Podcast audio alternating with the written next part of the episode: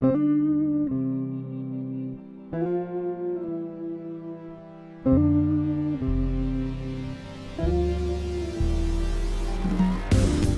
bij weer een nieuwe aflevering van Take a Break. De podcast over het nemen van een tussenpensioen. Een tijdje iets anders dus. Even stoppen met werken om te gaan reizen of een boek te schrijven bijvoorbeeld. Misschien heb je daar nog niet helemaal een beeld bij, maar daar gaan we met deze podcast juist brengen. Samen met tussenpensioen pro Sjaak spreek ik gasten die al zo'n lange break namen. Sjaak, deze keer hadden we geen vreemde van jou over de vloer. Nee, deze keer eh, heb ik een bekende uitgenodigd. Een, eh, een, een, een zakelijk partner waar ik al heel lang eh, mee omga. En wat ik een hele fijne vent vind. Maar die iets is gaan doen, ja, wat ik zelf eigenlijk ook wel wil. En jij eigenlijk ook wel. die is als ondernemer een tijdje uit zijn snelgroeiende onderneming gestapt. om aan de andere kant van de wereld te gaan bivakeren. In Ja. een heel andere tijdzone. Weliswaar gewoon nog steeds blijven werken. Mhm. Maar wel op een manier waar ik dacht, oei, dat lijkt me ook wel wat. Ja. Maar ik denk niet dat dat goed zou zijn voor mijn bedrijf, bijvoorbeeld. ja, Zeg maar de beer op de weg die jij en ik wel zien, nou, Ja. die had hij al eigenlijk eh, ja, eh, weggewerkt. Dus ik ben heel benieuwd hoe dat gelopen is. ja. Met wie gaan we in gesprek? Kostas Blauw van Share People. Alright, daar gaan we. Ik ben eh, Cosmas Blauw en ik ben een van de oprichters van de Share People Coöperatie. En eh, nou ja, dat is eigenlijk heel kort wie ik ben. Dat is heel kort inderdaad. Eh, we hadden het net al kort eventjes eh, over ehm, hoe jij op deze stoel terechtgekomen bent. Want Sjaak en jij zijn geen vreemden van elkaar. Nee, ehm, eh, ja, ik vertel eh, regelmatig in eh, webinars samen met... ik doe heel vaak webinars samen met Sjaak. En dan vertel ik heel veel over arbeidsongeschiktheid. Want Ja. dus dat, daar hebben wij een oplossing voor. En dan vertelt- vertelt Sjaak altijd iets over pensioen. En ja, eh, Daar hebben wij een oplossing voor. Daar heb je een oplossing voor. Alleen, eh, ja, eh, ik heb daar ook best wel wat over te vertellen. Met name over tussenpensioen, eh, Ja. en breaks, breaks nemen. En ja, ik brand eigenlijk van verlangen om dat nu eindelijk eens een keer... dat ik ook wat mag over vertellen. We zitten eindelijk op de goede plek. Ja, en de reden dat ik het heel erg leuk vond, de Kospel, ja, wij werken inderdaad al heel nauw samen tijd. Want er is heel veel overlap. eh, nou, ik denk zowel qua persoonlijkheid als qua organisatie en drijf en, en hoe je in het leven staat. Ehm, maar waar mijn Kospas ook eh, vooral ook uit wilde nodigen, omdat hij twee jaar geleden iets deed, waar jij en ik, wat wij nog niet durven. Eh, en daarom ben ik heel erg benieuwd naar jouw verhaal, hoe je Ja. als ondernemer, terwijl je nog niet, zeg maar, een, eh, nou ja, laten we zeggen, organisatie hebt waar het eh, geld tegen de plint aan klotst, nog in een beter redelijke start-up of scale-up fase zit en toch het aandurft om nou ja, een tijdje naar de andere kant van de wereld te gaan. Dus Ja. ik durf tot nu toe nog niet, dus ik ben, ben daar ook heel benieuwd naar. Misschien binnen het komende uur, Sjaak. Ja. Gaan we toch Ja, wel. Weet. Laten we, eh, laten we beginnen bij het begin. Wat was jouw eerste eh, ervaring eigenlijk met wat we in deze podcast, laten we zeggen, een tussenpensioen noemen? Eh, mijn allereerste ervaring, nou, hè, een tussenpensioen in de zin van tussen, hè, even tussen werken door, er tussenuit. hè, Als ik dat als Mhm. tussenpensioen eh, ervaar, eh, dan was dat, ik weet het nog precies, in oktober 97. Dat is al even terug. En 25. eh, ik denk, eh, de, nou, ik weet, ik denk, misschien was het wel 29 september ehm, eh, 1997. En ik ging naar mijn werkgever, waar ik toen drie jaar voor het werken was. En toen heb ik gezegd, ik zeg mijn baan op. En ehm eh, zo, ik was helemaal verbaasd. Van, eh, heb je niet naar mijn zin en zo? Nou, nou, nee, ik zeg mijn baan op. En ik, nee, ik, nee, ik heb het niet meer naar mijn zin. Ik wil iets anders. Ik wil even een break. En eh, tegelijkertijd was het Nieuwe Gein, eh, zo'n kantoorgebouw. Dat was een winkelcentrum. Toen ben ik eh, naar het winkelcentrum gegaan. En toen heb ik daar twee vliegtickets Santiago de Chile gekocht. Toen ben ik naar huis gegaan naar mijn vriendin. En heb ik die tickets op tafel gelegd. en toen heb ik gezegd, ik heb mijn baan opgezegd. Ja. En je gaat mee. En je gaat mee. En ik wist, Zuid-Amerika is altijd goed. En nou, zo is het begonnen. Hoe oud was je toen? Eh, 25 jaar geleden. Dus. 30. Dat, dat klinkt best wel rigoureus. Ja. En, of was het heel bedachtzaam en was je hier echt naartoe aan het werken? Ehm, eh, het gaan werken was voor mij eigenlijk altijd al een kwelling. Ik heb Oh ja? best wel mijn best gedaan om dat uit te stellen. Hm. En ik heb heerlijk lang gestudeerd. Ook tijdens mijn studie ben ik al gaan reizen. Eh, nou ja, ook wat ik gestudeerd heb is daar eh, ook wel eh, iets, eh, eh, heeft daar ook wel iets mee te maken. Ehm, de- dus dat werken, ja, dat, eh, ik ben eigenlijk altijd, ik werk om te leven en ik leef niet om te werken. Ja. En dat heeft misschien ook wel zo meteen mee te maken dat ik ondernemer ben geworden. Want ik ondernemen voel ik al veel minder als werken. Ja.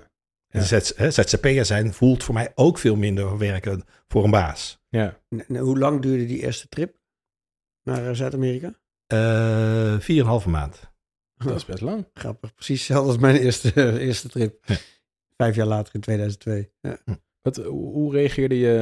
We hadden het toevallig net met onze, een van Mm. onze vorige gasten erover dat het nu best wel dat er meer gesproken wordt over een tussenpensioen of een sabbatical of hoe je het ook neemt. Maar we hebben het nu over 25 jaar geleden.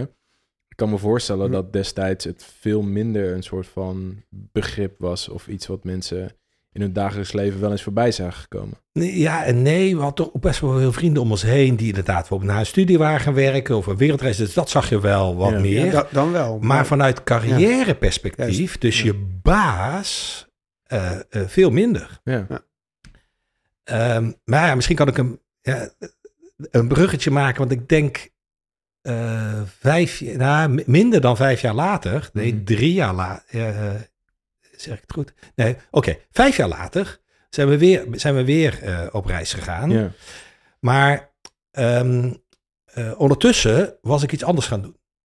qua Want- werk bedoel je. Qua werk. Ja. Eh, nou, ik, ik zat, ik zat in de, ik noem maar even, kaartenbusiness. Hè, dus eh, geografische informatiesystemen, dat was wat ik deed. Vond ik niet meer interessant. Eh, dus ik wilde met mensen iets gaan doen. En ik ben eh, recruiter gaan worden, headhunter. Het is echt En- iets heel anders. Het is echt iets heel anders. Maar, wat wij veel, maar wat mij veel meer boei- boeide en waar ik eigenlijk ook wel goed in bleek te zijn. en het was niet zo omdat ik aan mensen vroeg van oké, welk wat, wat wil je verdienen eh, in je volgende carrière? Want ik heb hier een mooie baan voor je en dan kun je dit verdienen en een mooie carrièrekansen. Ik had maar dat ik veel meer vroeg. Maar ja, wat drijft jou nou in het leven? Ja, En als ik dat wist, ook van mijn opdrachtgevers, wat hun dreef in het leven, dan kon ik op basis daarvan veel beter de match maken dan Ja. op competenties en dat soort zaken. Dus ik vroeg daar altijd, eh, gewoon omdat ik dat ook leuk vond, van Ja. ja, wat boeit deze persoon nou? En, en dan kreeg ik wel eens te horen, bijvoorbeeld van, ja, ik weet het eigenlijk niet. Ik zeg, nou, waar droom je dan van? Nou, van een wereldreis maken bijvoorbeeld. ja. Ah, ik ook. Dat moet je doen. Ja, ja, maar dat kan toch niet? Nou, en zo kwamen we er eigenlijk. Nou, hier ben ik uiteindelijk mijn eerste onderneming mee begonnen. Want dat was, voor de goede orde. Die eerste onderneming die ik zelf ben begonnen, heette heel verrassend ook Share People. maar dat was iets heel anders. Want wij eh matchen bedrijfjes in ontwikkelingslanden Mhm. aan mensen uit het corporate, hè, eh, eh, eh, corporate leven die inderdaad een break wilden nemen en dan hun kennis wilden inzetten. Wat vet. Dus de- deze, deze eerste persoon die dat tegen mij zei, was iemand die werkte bij Procter Gamble. Ik zei, nou ja, ja, jullie zijn goed in marketing. Ja, ja, maar ze willen me niet hebben. Ik zei, ja, maar je moet ook niet bij die ontwikkelingshulporganisaties zijn. Nee, je moet bij bedrijfjes in ontwikkelingslanden zijn. En Ja. ik kende nog iemand in Kenia. En die kon van mij die bedrijfjes in Kenia wel vinden die op zoek waren naar marketeers. Nou, hier is mijn eerste matchmaker. Dat ik ging dus matchmaken, maar dan op een andere manier. ja, Ehm, eh, met nou ja, eh, mensen uit ontwikkelingslanden die ik matchte aan, aan Nederlandse managers en uiteindelijk internationale managers. En dat ben ik in 14 landen gaan doen. En waarom deed ik dat nou? Omdat ik dat zo leuk vond om te reizen en naar al die landen toe te gaan. Hè. Daarom vond ik dat ook leuk om te doen. ja. Ehm, maar ja, ik heb dus ook in die zin een beetje voor mijn passie en dat waar ik goed in was, heb ik mijn eerste bedrijf eh, eh, Ja. gemaakt. Ik kan me best wel voorstellen, nu, nu is het natuurlijk veel gebruikelijker, nog, nog echt nog niet de standaard denk ik, maar om eh, drijfveren van bedrijf en individu of, of kandidaat langs elkaar te leggen in plaats van de wat meer praktische kenmerken of competenties of whatever. Maar destijds was dat denk ik, dat was helemaal niet the way to go of zo, toch? Was het, eh, Nee, maar eh, eh, uiteindelijk ben ik, dus, ben, ik dus voor, ben ik dus voor mezelf gaan doen. Ja. Dus de- ik, het was niet meer het matchmaken.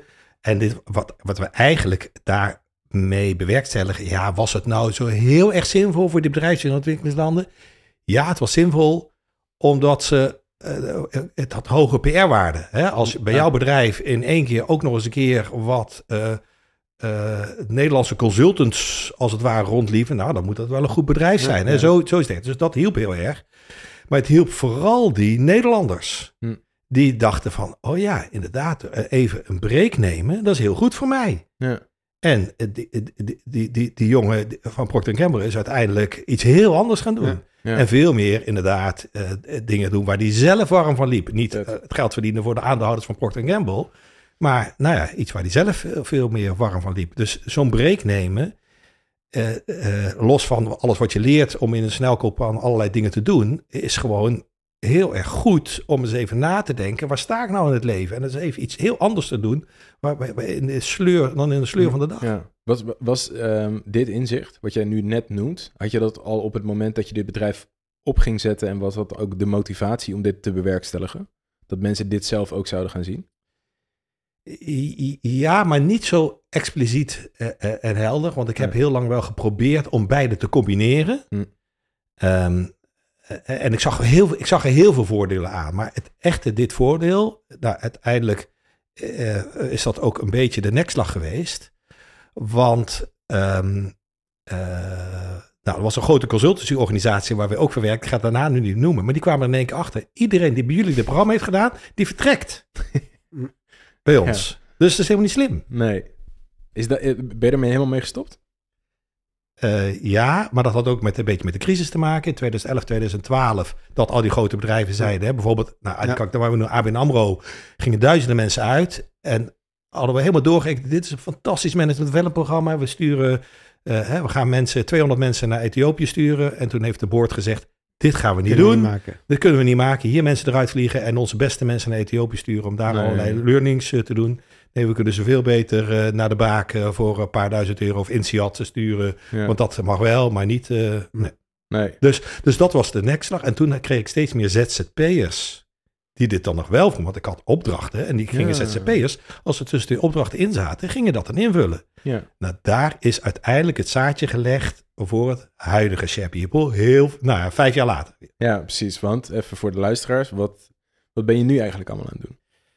Ja, nu zijn wij een eh, coöperatie eh, waarmee we onderling eh, het risico op inkomensverlies bij arbeidsongeschiktheid opvangen.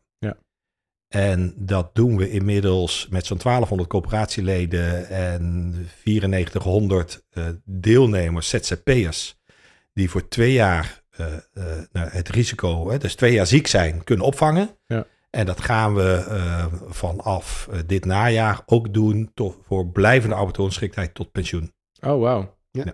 Dat is een heel belangrijk verschil met het broodfonds dat mensen misschien kennen.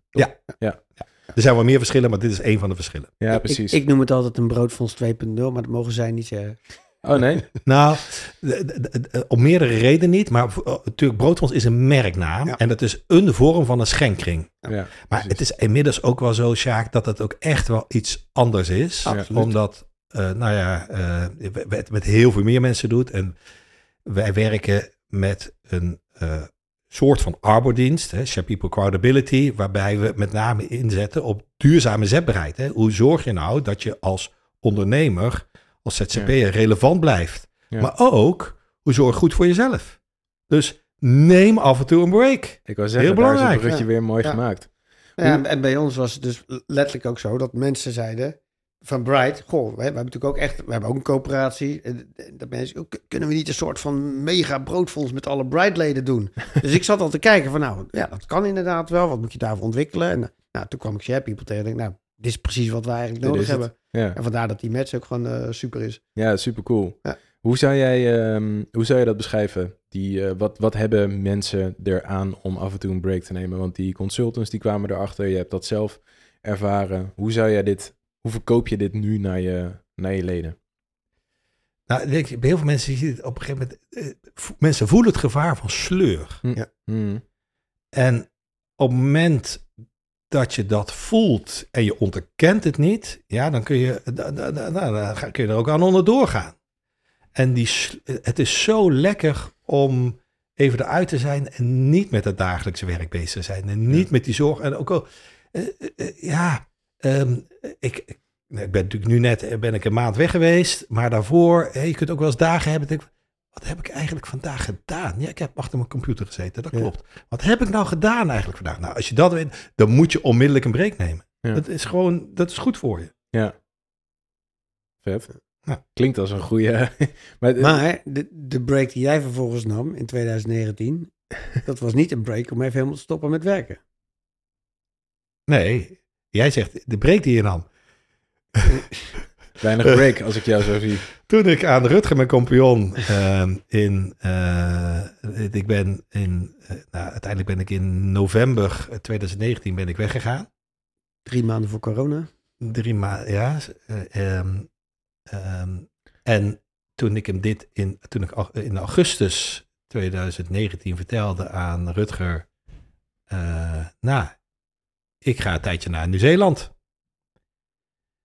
Die, nou, ik geloof dat die zuchtte, die zei, wat ga je nou doen? We zijn net begonnen. Gaat het niet nu?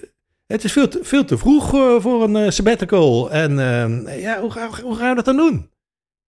En eh, ik zeg, ja, maar ik ga niet met een sabbatical. Ik ga gewoon doorwerken. En zei hij van, nou, op dat moment hadden wij nog eh, eh, aandeelhouders. En we waren nog net, oh, we waren, eh, ja, dus in augustus waren we nog, hadden we nog aandeelhouders. De coöperatie was pas in oktober opgericht. En onze belangrijkste aandeelhouder was toen Startup Bootcamp. Hm. Los van Rutger, ik en Ernst. Hè. We hebben het opgericht. En, en daarnaast was Startup Bootcamp. En toen zei hij van, nou, ga maar aan Mark Wesseling vragen wat hij ervan vindt. Dat je het goed. Hij dacht, Rutger dacht van, nou ja, dat gaat hij natuurlijk niet goed vinden. en eh, Ma- Mark wist een beetje van mijn situatie en ook de re- achterliggende reden waarom ik dit met mijn gezin nog wilde doen. Ehm, eh, dus dat was een argument. En ik dacht, ik dacht eigenlijk wel, nou, ik ga met Mark praten, die gaat er wel begrip voor hebben. Ja. Maar hij zei iets heel anders. Hij zei, Kos, joh, het is hartstikke goed voor Share People. Het is hartstikke goed voor Share People. Dat moet je doen. Da- Daar, daar wordt Share People alleen maar beter van. Waarom dacht hij dat? Nou, ehm, eh, ik ben best wel veel eisend. En ik zit er best wel bovenop. Ah, Ik dacht al dat ik het antwoord wel zou kunnen raden. ja, Dus het creëerde een soort van zuurstof. Ruimte voor de anderen, denk ik. ja eh, eh, en ik wil, is het, ehm, ehm, eh, ik, ik, ik, het creëert ruimte voor de, voor, voor de ander, maar het is ook, ja, alles, ik ik kon, ik kon, kon constant aan het werk blijven en dat is natuurlijk niet goed. Hè? En als iemand iets gedaan heeft, kon ik het altijd weer beter maken. Ja. En als ik iets voor iemand gedaan heeft en ik ging het beter maken, dat is niet altijd even leuk voor mensen.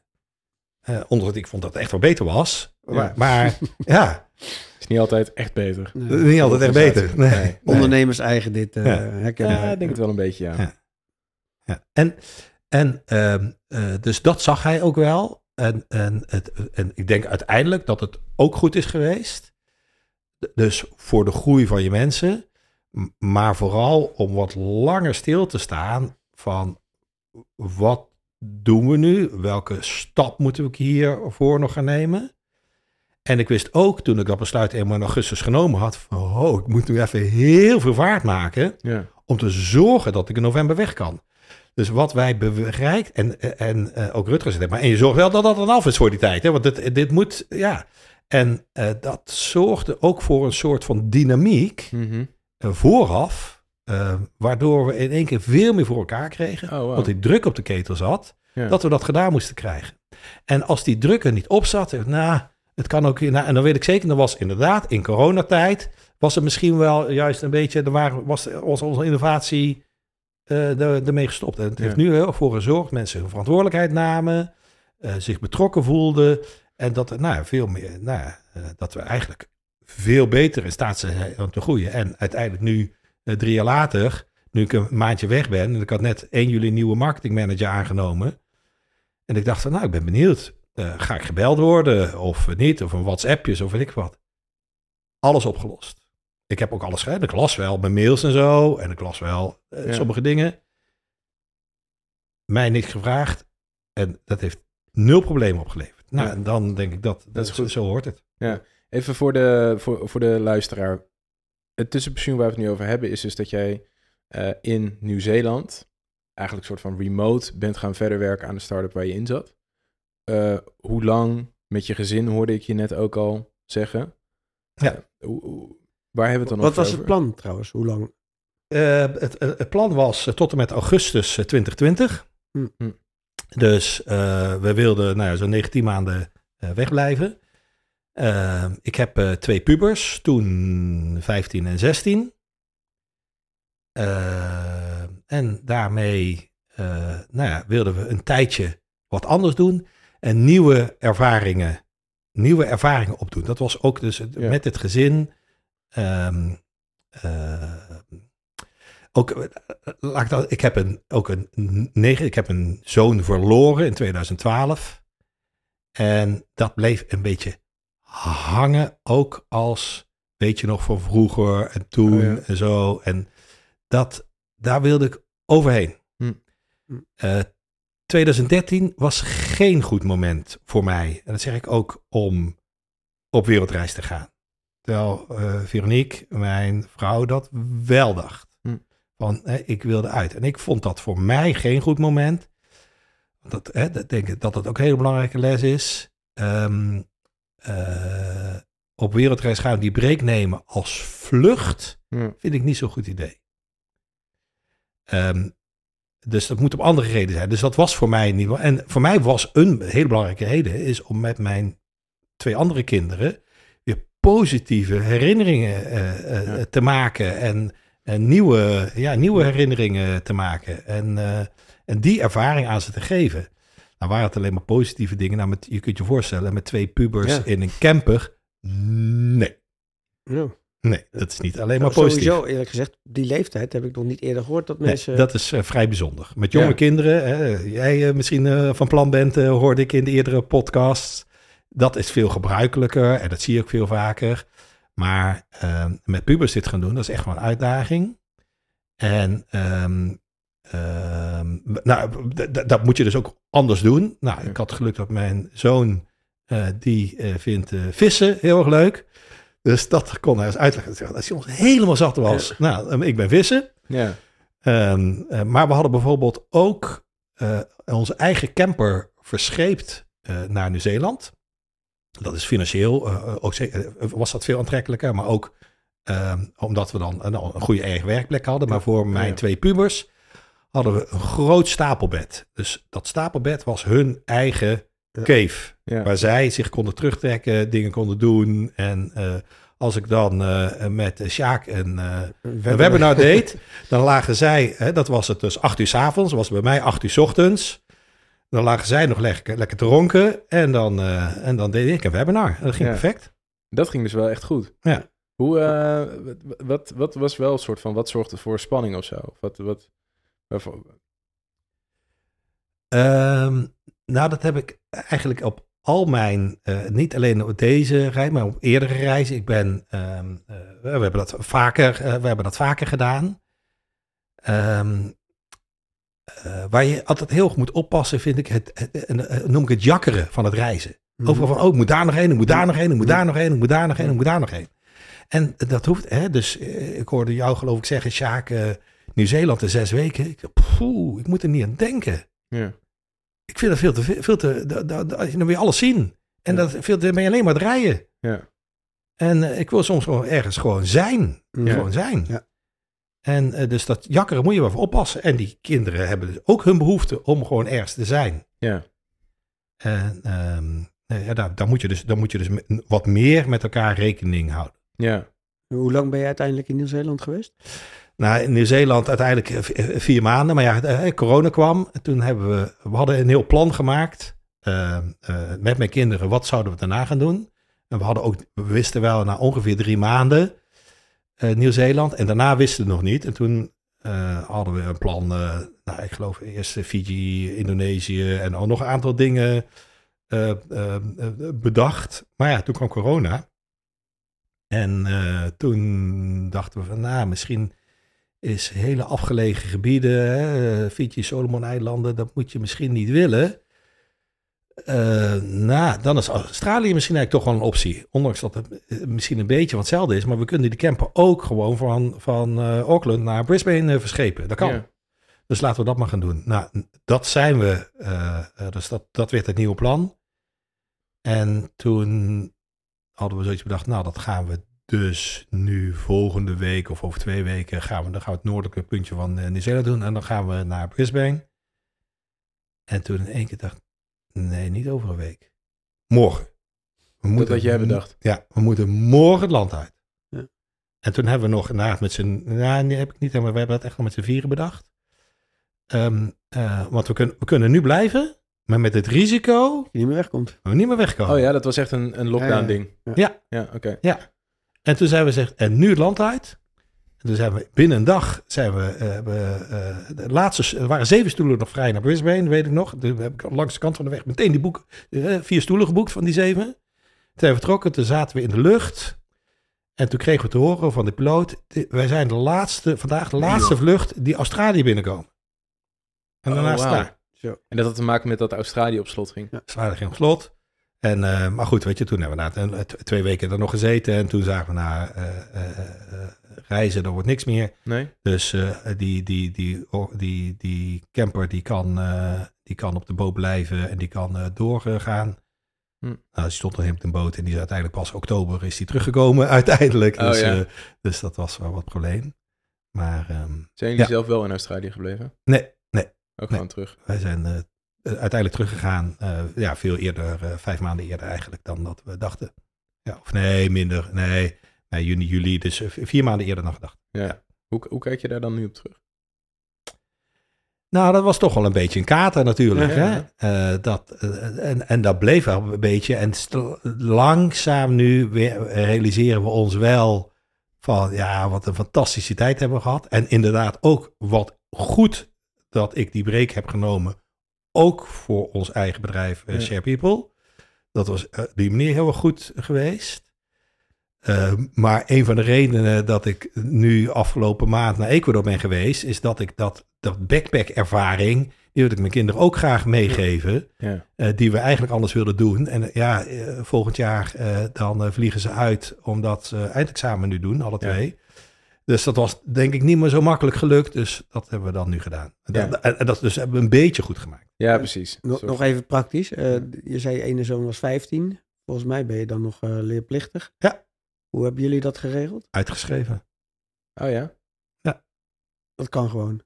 Je kunt je gewoon uitschrijven met onbekende bestemming. En dan kun je geloof ik nog zeggen van... Uh, ja, maar ik stop ze in uh, Auckland op een school. En, uh, maar je schrijft je gewoon uit. Want dat is inderdaad... Want we hebben hier inderdaad één iemand eerder gehad. Dat was een beetje jongere kids. Ja. Dat was inderdaad de overweging van... joh, gaan we... Gaan we, gaan we aangeven dat we naar het buitenland willen wonen... of gaan we uitschrijven? Ja, ja, er zijn, er zijn, uh, uh, dat, dat is best ingewikkeld en je moet er van situatie tot situatie bekijken. Het heeft natuurlijk ook consequenties voor je zorgverzekering bijvoorbeeld. Ja. het heeft consequenties voor je AOW. Ehm, dus uiteindelijk hebben we Veronique en de kinderen, die hebben zich uitgeschreven en ik niet. Hm. Ook, ook omdat ik als aandeelhouder of, of hm. Uh, DGA, of hoe zeg je dat, van, ja. uh, van Share People, was dat ook wel handig dat dat zo bleef. En had je ook alleen de kinderen kunnen uitschrijven? Ik geloof het niet. Nee. nee. Omdat ze minderjarig zijn. Ja, nou, ik weet niet precies, maar dat, dat, hebben we, dat hebben we uitge uitgezocht, maar dat was, eigenlijk, Hm. mm. dat was eigenlijk geen optie. Maar je moet dat als, als ZZP'er is het eigenlijk niet zo'n heel erg groot probleem om je op die manier uh, uit te schrijven. Eigenlijk is het eigenlijk, zolang je maar netjes belasting blijft betalen, ja. mm -hmm. uh, is het eigenlijk ook niet zo'n probleem. Nee. Want even voor mijn beeld, wat, wat gebeurt er dan op papier eigenlijk op het moment dat je je uitschrijft als? Want je, je bent geen inwoner meer van Nederland, maar je bent wel Nederlander. Ja, ja, gewoon, ja. gewoon Nederland. Blijf je gewoon. Je kunt gewoon terugkomen. Alleen bijvoorbeeld moest ik, hè, ik hè, dus officieel woonde ik nog in, uh, in, in ons huis. En ik moest weer toestemming geven aan, uh, aan Veronique en mijn kinderen dat ze weer in mijn huis mochten wonen. Fijn dat het goed gegaan is tijdens reizen. ja, dat is heel stom. Maar ja, dat, ja dat, dat soort dingen. Maar, maar eigenlijk, dat betekent, en een aantal verzekeringen, dan moet je dus steeds kijken, lopen die verzekeringen door. En dan heb je wel een ja. aantal verzekeringsmaatschappijen die zo'n werelddekking bieden, et cetera. Dus daar moet je even goed naar kijken. Ja. En het is altijd even, uh, als je langer weg blijft, nou, uh, uh, ja, dat, uh, dan moet je wel even goed blijven opletten. Maar ook daar zijn maar weer constructies op. Maar hoe, hoe zit dat precies met leerplicht? Want als je op de middelbare school zit, dan moet je natuurlijk officieel naar school. Ehm, op het moment dat je je uitschrijft eh, uit Nederland, dan vervalt dat gewoon? Ja, dan, Ja. want, want eh, die, leerplicht, die leerplichtambtenaar, die Ja. kan jou niets meer doen, want je bent niet meer in Nederland. Dus dan hoef je in principe eh, niet naar school. Eh, hoe was dat dan bij terugkomst bijvoorbeeld? Ehm, nou je- ja, dat, dat, dat, eh, ja, eh, hoe moet ik dat nou goed uit- Ja, het is wel, het is een Je beetje, een beetje lang verhaal, maar ik kan het wel praktisch, praktisch uitleggen. Maar het gaat er natuurlijk om ehm, dat, eh, dus, nee, ik moet het eigenlijk anders uitleggen.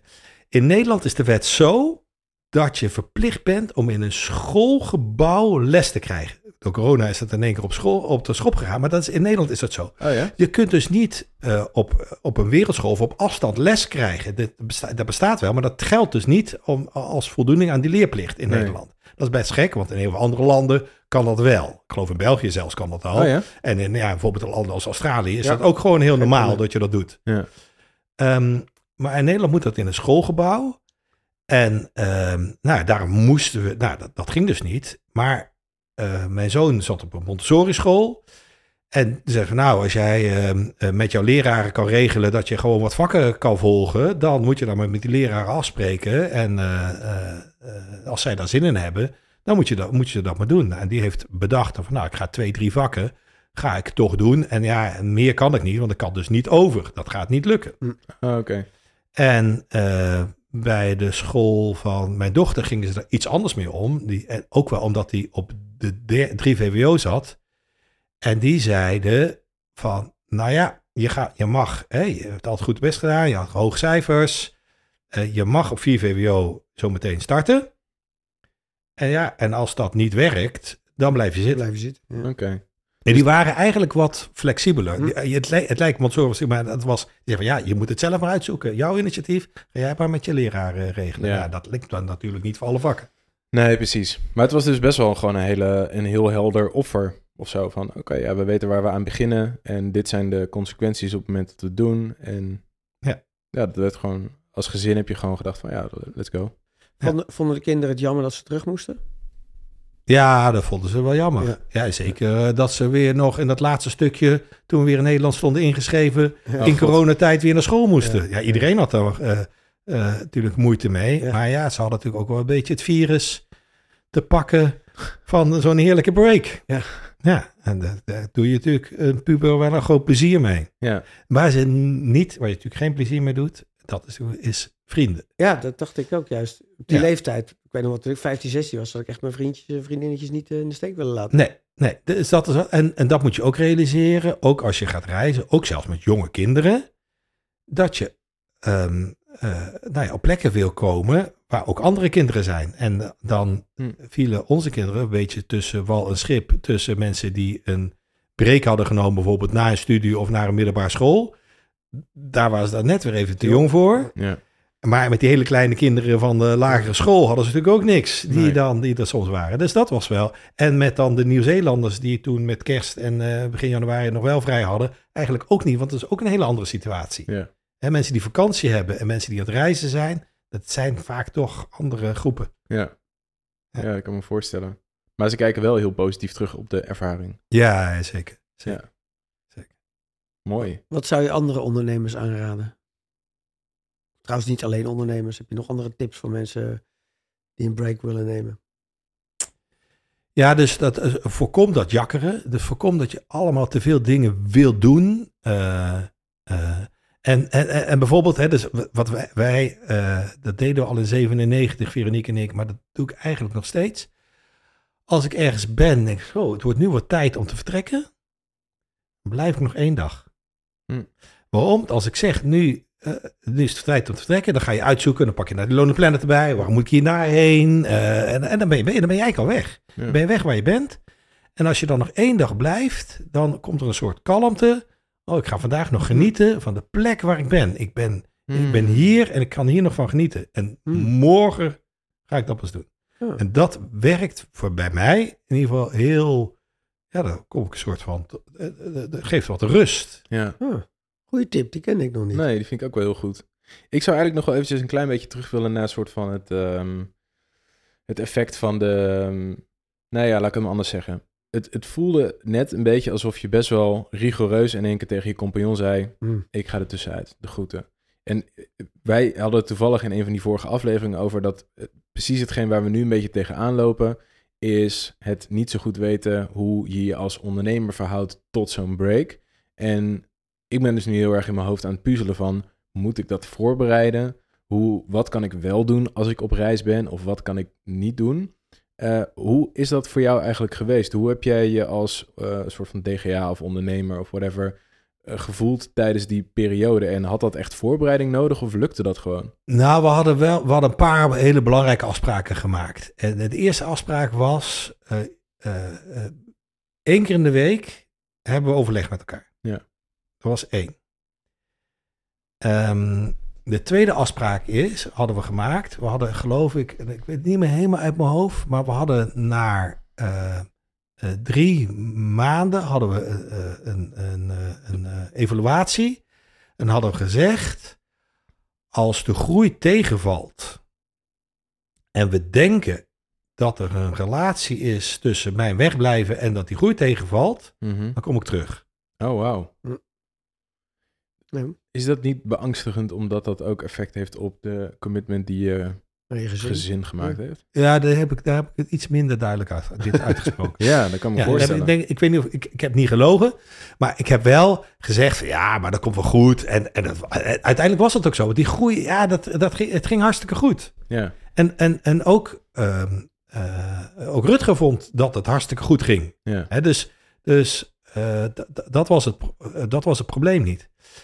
Ehm, toen ik terugkwam, hè, hadden we ook, ja, dat was goed. En, want ik denk dat dat ook dat nog wel bela- eh, belangrijkste is. Dus Rutger zei niet zo van, het is slecht dat je weg bent, of dat je slecht was, eh, dat je weg was. Hij zei vooral, ik vond het niet leuk. Ja. Hm. Ik vond het gewoon werken minder leuk. Ik vind Ja. het Ja. prettig om met jou te werken. Ik vind het Ja. leuk en te, samen te sparren en, Ja. en, en, en dingen te bedenken. En gewoon, nou, weet je, ja, we zijn heel verschillend. Maar het, dat moet, dat, en dat had ik me denk ik onvoldoende gerealiseerd. Of had ik niet zo belangrijk eh, gemaakt. Ja, ja, dat is jouw probleem. Hè? Dat, dat beetje zo van, Ja. als met je people, als het zakelijk maar goed gaat, dan Ja. is het goed. Maar dat werkplezier wat ik hem ook ontnam, Hm. dat, had, dat had ik me niet zo goed Nee, gerealiseerd. dat snap ik. Hm. Snap ik heel goed. Ja. Achteraf is best wel gewoon een hele positieve ervaring. En op, op deze afspraken na, heb jij je persoonlijk daar nog op voorbereid? Heb je jou, zagen jouw dagen er... Op welke vlakken zagen jouw dagen er echt werkwijs zeg maar heel anders uit? Ik kan me voorstellen dat je kon nog steeds bellen met mensen. Je kon wel digitaal afspreken met mensen, maar... Je bent veel beter in staat, en daarom, dat, dat, dat, dat, is natuurlijk ook de lessen die je leert. Je bent veel beter in de staat om dingen, welke dingen hebben nou prioriteit Ja. Hm. en welke niet. En dat was het voordeel, vond ik echt, echt een gigantisch voorbeeld van de voordeel van Nieuw-Zeeland, is dat 12 uur tijdsverschil. Ja, Ehm, als mensen er zelf niet uitkwamen aan het eind van de dag met iets wat geregeld moest worden, dan, hè, zo werkt dat dan. Dan ga je dus vanaf een uur of vijf, denk je dan van shit, ik kom er niet uit, ik ga Kols een mail sturen. Dus dan werd er een mail gestuurd om vijf uur eh eh, 's smiddags, dat was voor mij vijf uur s'nachts. En die opende ik dan om zeven uur eh, s ochtends. En dan gaf ik een antwoord. En als het echt eh, eh, lastig was, dan kon ik ook nog even bellen ja. als dat mogelijk niet. Meestal kon ik dan ook nog even bellen als dat mogelijk was. Maar meestal was het niet. En dan gaf ik antwoord via mail en dan was het goed. En dan kwamen mensen de volgende dag op hun werk En dan was het gewoon... en dan was het, was het opgelost. Ja, Dus dat, dat, dat tijdverschil, en daar hebben we trouwens ook nog, eh via en ik, mevrouw, toen we in Australië zaten, gebruik van gemaakt. Want die werkte, werkte ook als ZZP'er, maar met een andere ZZP'er. En die moesten toen in één keer ja, in de zorg allerlei dingen geregeld krijgen. Hè, Hmm. communicatiebedrijf in de zorg was dat. Dus moesten allemaal dingen geregeld krijgen. En ze hadden toen in één keer een dag- en nachtbedrijf. Want eh, oh ja. de een, ja, en dat was dus hartstikke goed in de lockdown-tijd. Dat ze dus 24 uur achter elkaar konden werken Wauw. als. ZZP'ers. Dus Ja. ik, ik kan me voorstellen, zeker de rol die jij natuurlijk hebt bij Share People als eh, ondernemer en degene die vooral nadenkt over waar het heen moet en business development, et cetera, dan past dat gewoon best wel. Dan lenen die andere voorwaarden waarbinnen je werkt zich gewoon best wel goed voor de rol die je hebt. Ja, maar we hebben zijn, dat klopt. Maar we hebben, zijn er nu een coronatijd achter gekomen dat mijn beroep eigenlijk helemaal niet zo geschikt is om dit te doen. Want als je creativiteit en dergelijke wil doen, ja, dan, dan moet je ook bij elkaar zijn. Ja, dat moet, ja, moet ja. ontstaan. En eigenlijk het werk wat Rutger doet, of het andere, hè, dus als je in operatie zit of als je eh, in, in ontwikkeling zit, ja, dan kun je veel makkelijker juist op, op afstand doen. Dus, Ja. dus eh, ik denk dat dat niet zo. Dat, dat we ook wel erachter zijn gekomen in coronatijd dat dat niet zo werkt. Hm. En ehm, misschien moet ik dat ook wel vertellen. Ik had ook nog een ander idee erbij dat ik wegging. Ik dacht in oktober eh, 2019 zei ik, eh, Share People wordt een completely remote working company. Hm. En ja, dat dacht ik, dat is een troef. Hè, dat mensen die de vrijheid krijgen, maakt me niet uit waar je zit om te werken. Want ik had al een, een marketing, mijn eerste marketing was iemand die vanaf Malta eh, eh, dingen deed. Dat was een Nederlander, die had ik gevonden op Facebook. Nou ja, die ja, kan dat mooi eh, eh, dat doen. En zo heb ik steeds allerlei ZZP'ers voor me werken. Toen dacht ik, dat is een troef. Dan kun je als werknemer, maakt mij ook niet zoveel uit waar je zit. Ja. Maar ja, eh, dat was niet meer zo'n troef Nee. in maart 2020, een half jaar later. Nee, dat sowieso niet. Nee. Nee. En hoe kijk je daar dan nu op terug, nu je erachter bent gekomen, hoe het voor jou zelf was om niet dat directe contact met werknemers te hebben? Nou, dat, eh, dat, dat heeft vooral met dat werkplezier te maken. Ja. dat realiseer ik me heel goed. En ik had toen gekeken bijvoorbeeld naar WordPress. Ja. Eh, dat is nou, multinational, wereld, grote speler. En eh, die hadden geen hoofdkantoor. Eh, ik kon inderdaad precies dezelfde mensen, de, de WordPress-medewerkers in Nieuw-Zeeland, heb ik opgezocht, waar Oh, ja. die dan allemaal over Nieuw-Zeeland verspreid zaten, eh, waar, waarvanuit die werkten. En die kwamen één keer per jaar bij elkaar, maar dan een week lang. Heel wereldwijd WordPress. Hm. Ik geloof dat ze dat nog steeds doen. Ik weet niet precies hoe ze dat... Ik heb de laatste tijd niet meer zo heel goed gevolgd.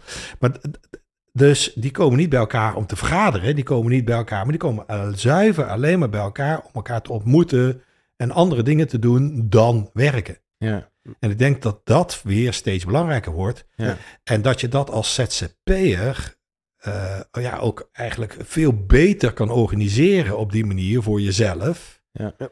Dan, eh, dan eh, een grote bedrijven. ja. Tot slot, heb je alweer een tussenpensioen gepland? Of een break? Of een remote working? Eh, Ja, ik denk dat dat meer eh, eh, in de lijn zal zitten van op een betere manier remote werken, maar dan niet zozeer alleen voor mezelf, maar voor veel meer mensen. Daar zit ik veel Mm. meer aan te denken. Met een groep op pad.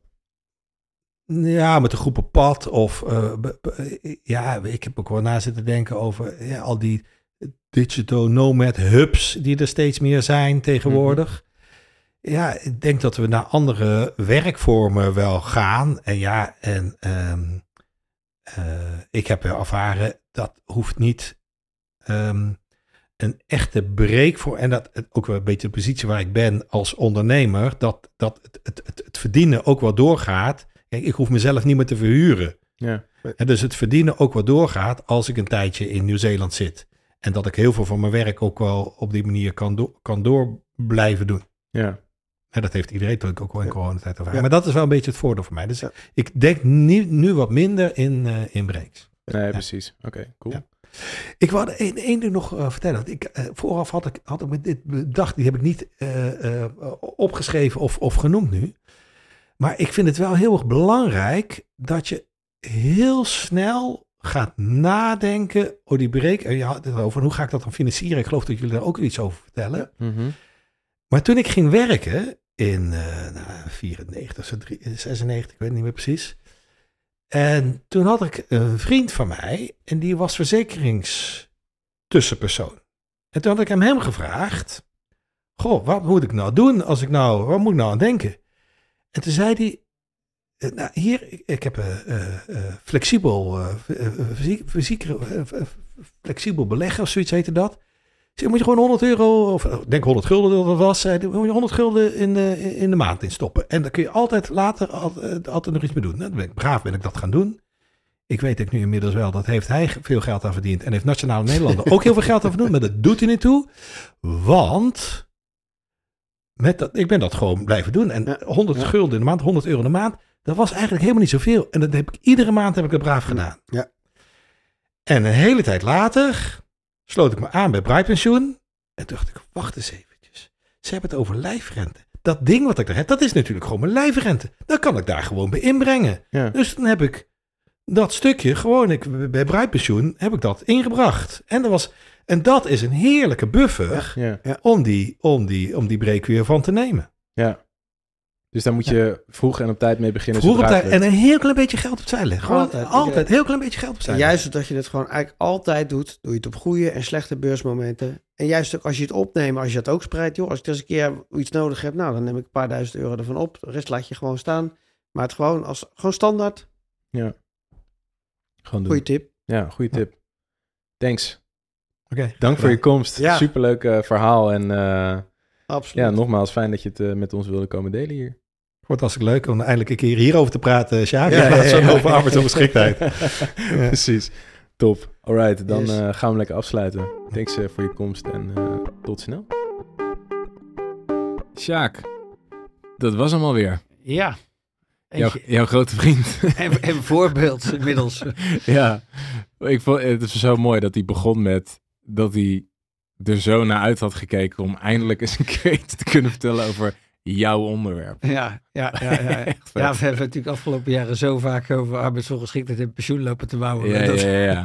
Eigenlijk was het leuk eens even een andere gesprekken. En, en ja, wat ik merk, we kennen elkaar goed, maar ook weer niet heel goed. Want ja, het, het verhaal van zijn, van zijn zoontje ken ik bijvoorbeeld helemaal niet Oh eens. nee? Nee, nee, Nee. nee. Dus dat eh, was wel even, oh, wow.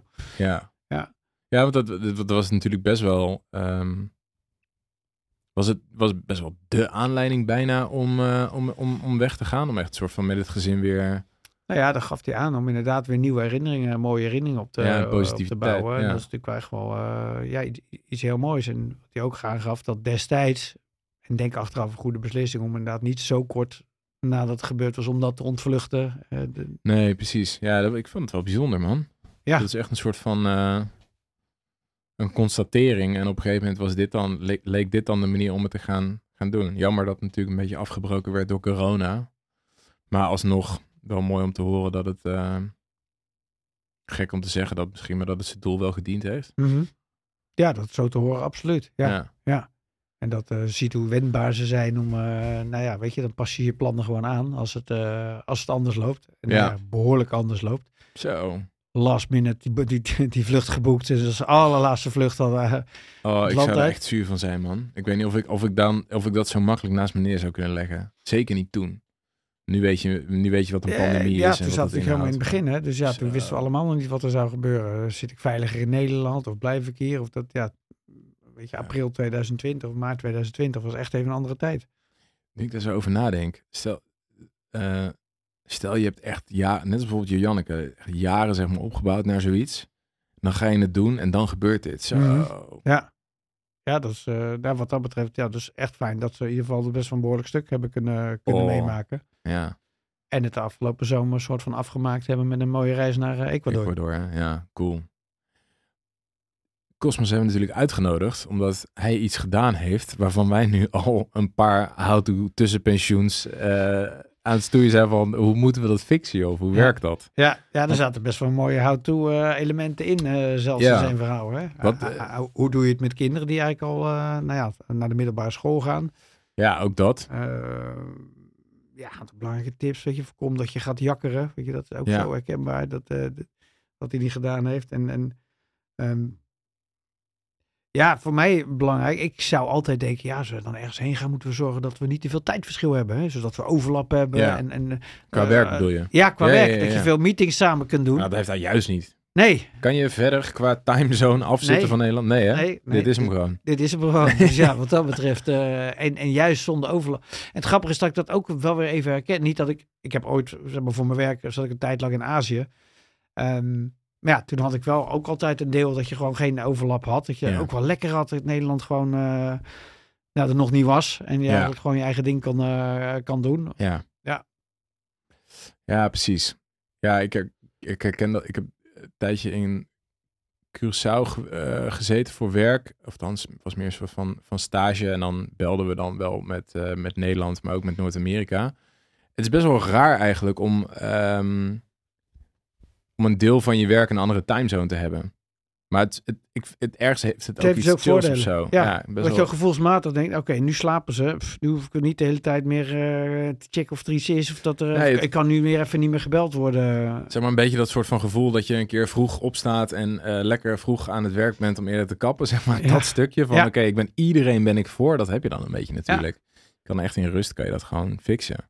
Ja, dus ik zat nu ook al, nou ja, goed, net als dat jij ook denkt van, goh, kunnen we, hoe kunnen we dat regelen met ons werk? En, en eh, ja, dus een andere tijdzone is, denk ik, juist wel voordelen. Een, een voordeel. Ja. Ik heb nog best wel een tijdje zitten nadenken. Dat was meer voor dit jaar om bijvoorbeeld gewoon in januari naar Zuid-Afrika te gaan. Want wat doe je in godsnaam in Nederland in januari? Wat eh, enigszins spannend is. Ehm, met reden, zelfde timezone. Ja. Maar goed, aan de andere kant, als er dus toch geen flikker te doen is, dan waarom zou je dan in diezelfde timezone blijven? Nee, weet je, als je maar een paar uurtjes hebt voor de echt noodzakelijke dingen. En dan zorg je ook dat je het alleen maar bij die noodzakelijke dingen houdt. en niet voor elke scheet weer gebeld gaat worden. Nee, nee. Want dat vond ik ook wel een eh, openbaring, wat, eh wat Cosmos deelde van...